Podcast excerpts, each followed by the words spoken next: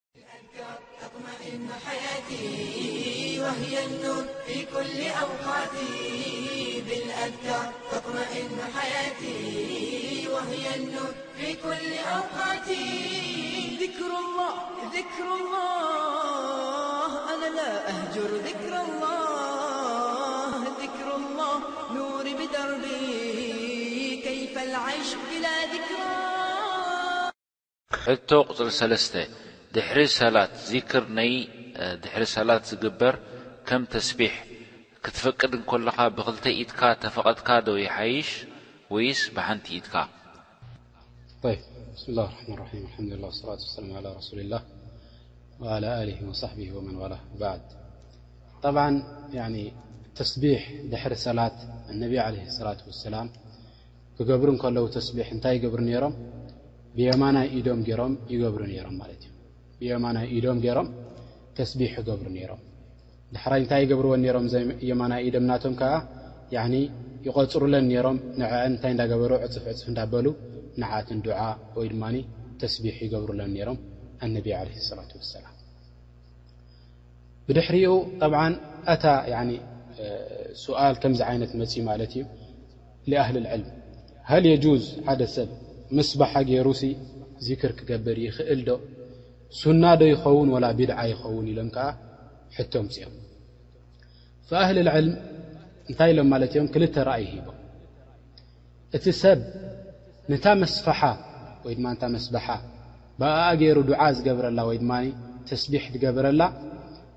እንድሕር ደኣ ብኡ ጌርካ ምግባር ሱና እዩ እንድሕር ደኣ ኢሉ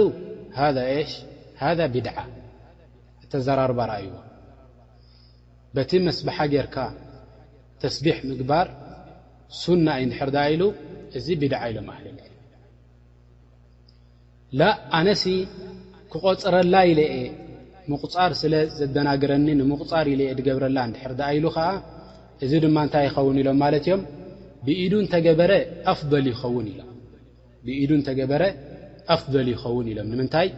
እዛ ኢዱ እዚኣ እነቢ ዓለይሂ ሰላት ወሰላም እንታይ ኢሎም ፈኢነሁነ ሙስተንጠቃት ኢሎም ያኒ እዘን ኢዶም እዘን ኢድኩም እዚኣተንሲ ኣብ የውም ኣልቅያማ ረቢ ስብሓነሁ ወተዓላ ከዛርበን እዩ እንታይ ትገብራ ነይርክን ሽዑ እንታይ ክገብራ እየን ንዓኻ ክምስክራልካ እየን ኣብ ዮመል ቅያማ ተስቢሕ ይገብረልና ነይሩ ኢለን ክምስክራልካ እየን ማለት እዩ እንተ ደኣ ላእ ኣነስ ኸላስ ትዓደድ ስለ ዝደናገር ብኡ ክገብረ እየ እንድሕር ደኣ ኢሉ ኸዓ እንታይ ክገብር እዩ ማለት እዩ ማዳም ሱና ኣይረኣዮን ንዓደድ ክቖፅር ጥራሕ ኢሉ እንድሕር ደኣ ኮይኑ ይኽእል እዩ ይብሉ ማለት እዩ እዚ ሓደ ናይ ናይቶም ኣህለል ዕልም ራእይ ይኸውን። ካልኦት ዑለማእ ከኣ እንታይ ኢሎም ላእ እዚ ተስቢሕ ምግባር ብመስበሓ ጌርካ መስበሓ ጌርካ ተስቢሕ ምግባር እንታይ ኢሎም ቢድዓ ኢሎም ንምንታይ ኣነቢ ዓለይሂ ሰላቱ ወሰላም ኣይገበርዎን ወነቢ ዓለይሂ ሰላቱ ወሰላም ብኢድና ንኽንገብር ድኣ እዮም ደፋፊኦምና እምበር ብመስበሓ ክንገብር ኣይደፋፍኡናን ፊ ነፍሰል ወቅት የሽ እዛ መስበሓ እዚኣ ናብ ምንታይ ተብጽሓና እያ ናብ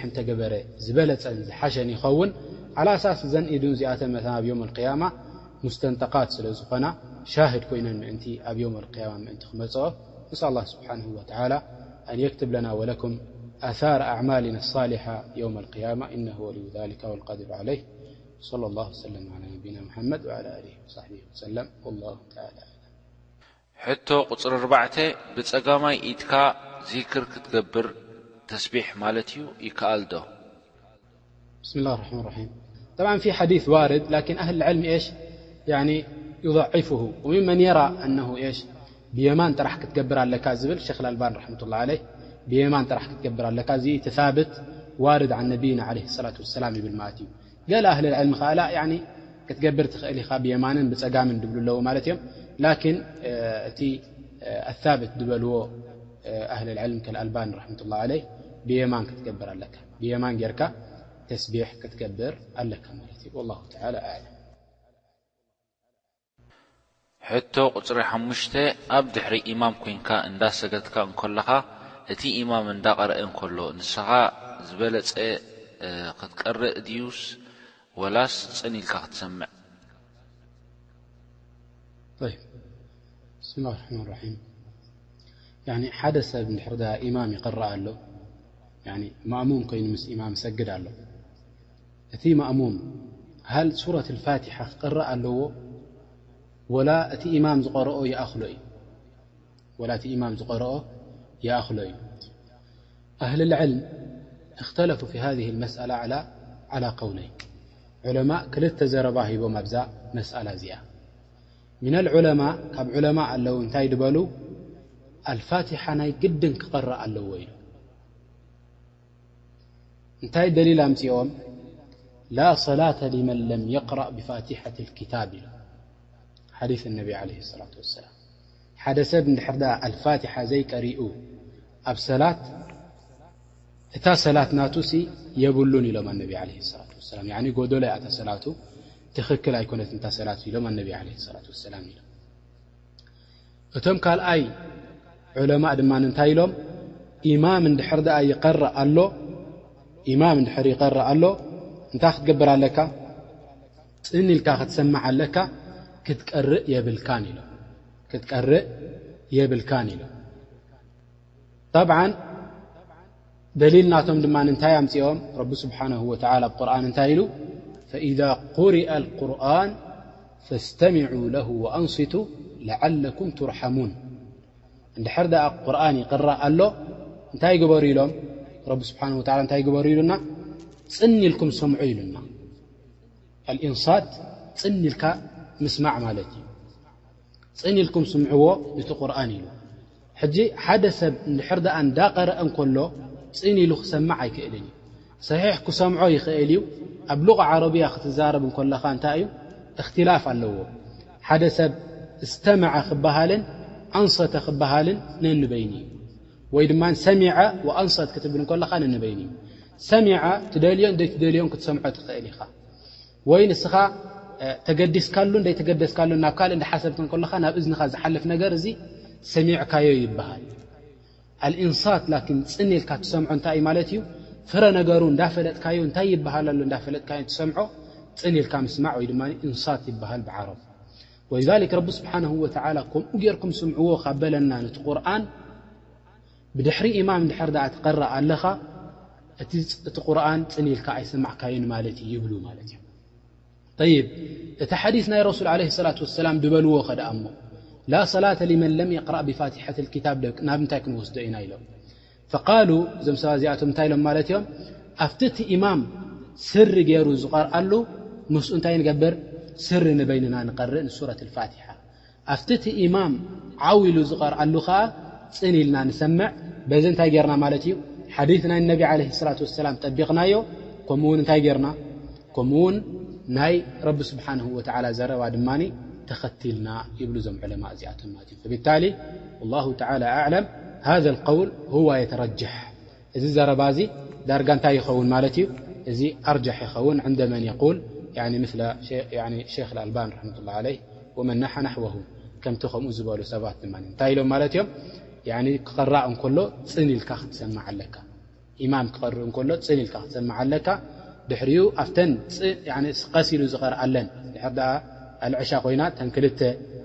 ድቐርኣለን ኣልፋቲሓ ንበይኑ ኮይኑ ቐስ ኢሉ ዝቐርኣሉ ሽዑ ኣልፋቲሓ ትቐርእ ኣብ መቕሪብ ከዛሊካ ኣብታ ሓንቲ ንበይኑ ቐስ ኢሉ ዝቐርኣሉ ኣብኣ ኣልፋቲሓ ትቐርእ በዚ ሓዲስን ቁርኣንን ጠቢቕካ ትብሃል ማለት እዩ ወላሁ ተዓላ ኣዕለም። ሕቶ ቁጽሪ ሽዱሽተ፣ ስጁድ ሹክር ክትገብር እንድሕር ደሊኻ ውድእ ወይ ዱዓ ፍልይ ዝበለ የድልየካ ድዩ? ሱጁድ ሹክር፣ ሓደ ሰብ እንድሕር ደኣ ሰጅዳ ናይ ሹክር ክገብር ደልዩስ ከመይ ገይሩ ይገብር? ጠይብ ጀዛከላ ኸይር። ሱጁድ ሹክር ኣወለን እቲ መሽሩዕያ ናቱ መዓስ እዩ ዝኸውን? ኢዛ ተጀደደት ኒዕመቱን ጋኢባ ያዕኒ ሓደ ሰብ ካብኡ ርሒቑ ዝነበረ ንዕማ ዝጽበዮ ዝነበረ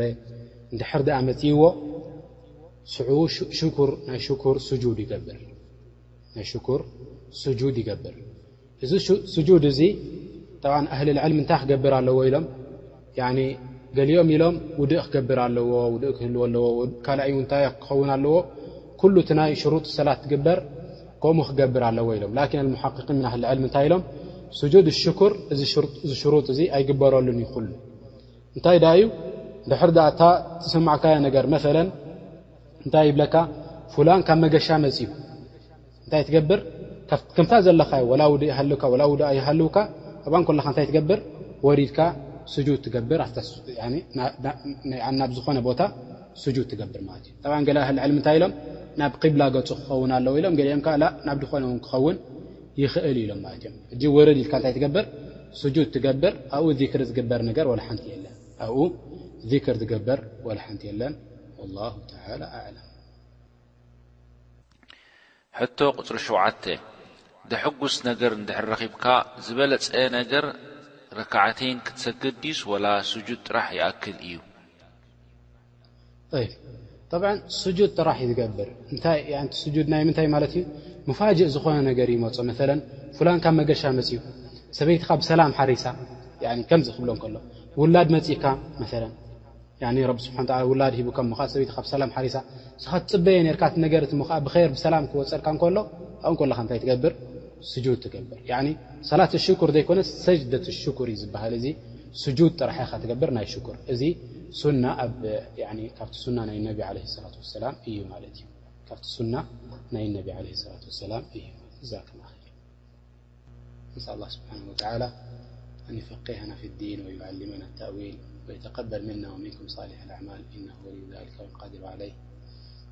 وصلى الله وسلم وبارك على نبينا محمد وعلى آله وصحبه وسلم تسليما كثيرا السلام عليكم رحمة الله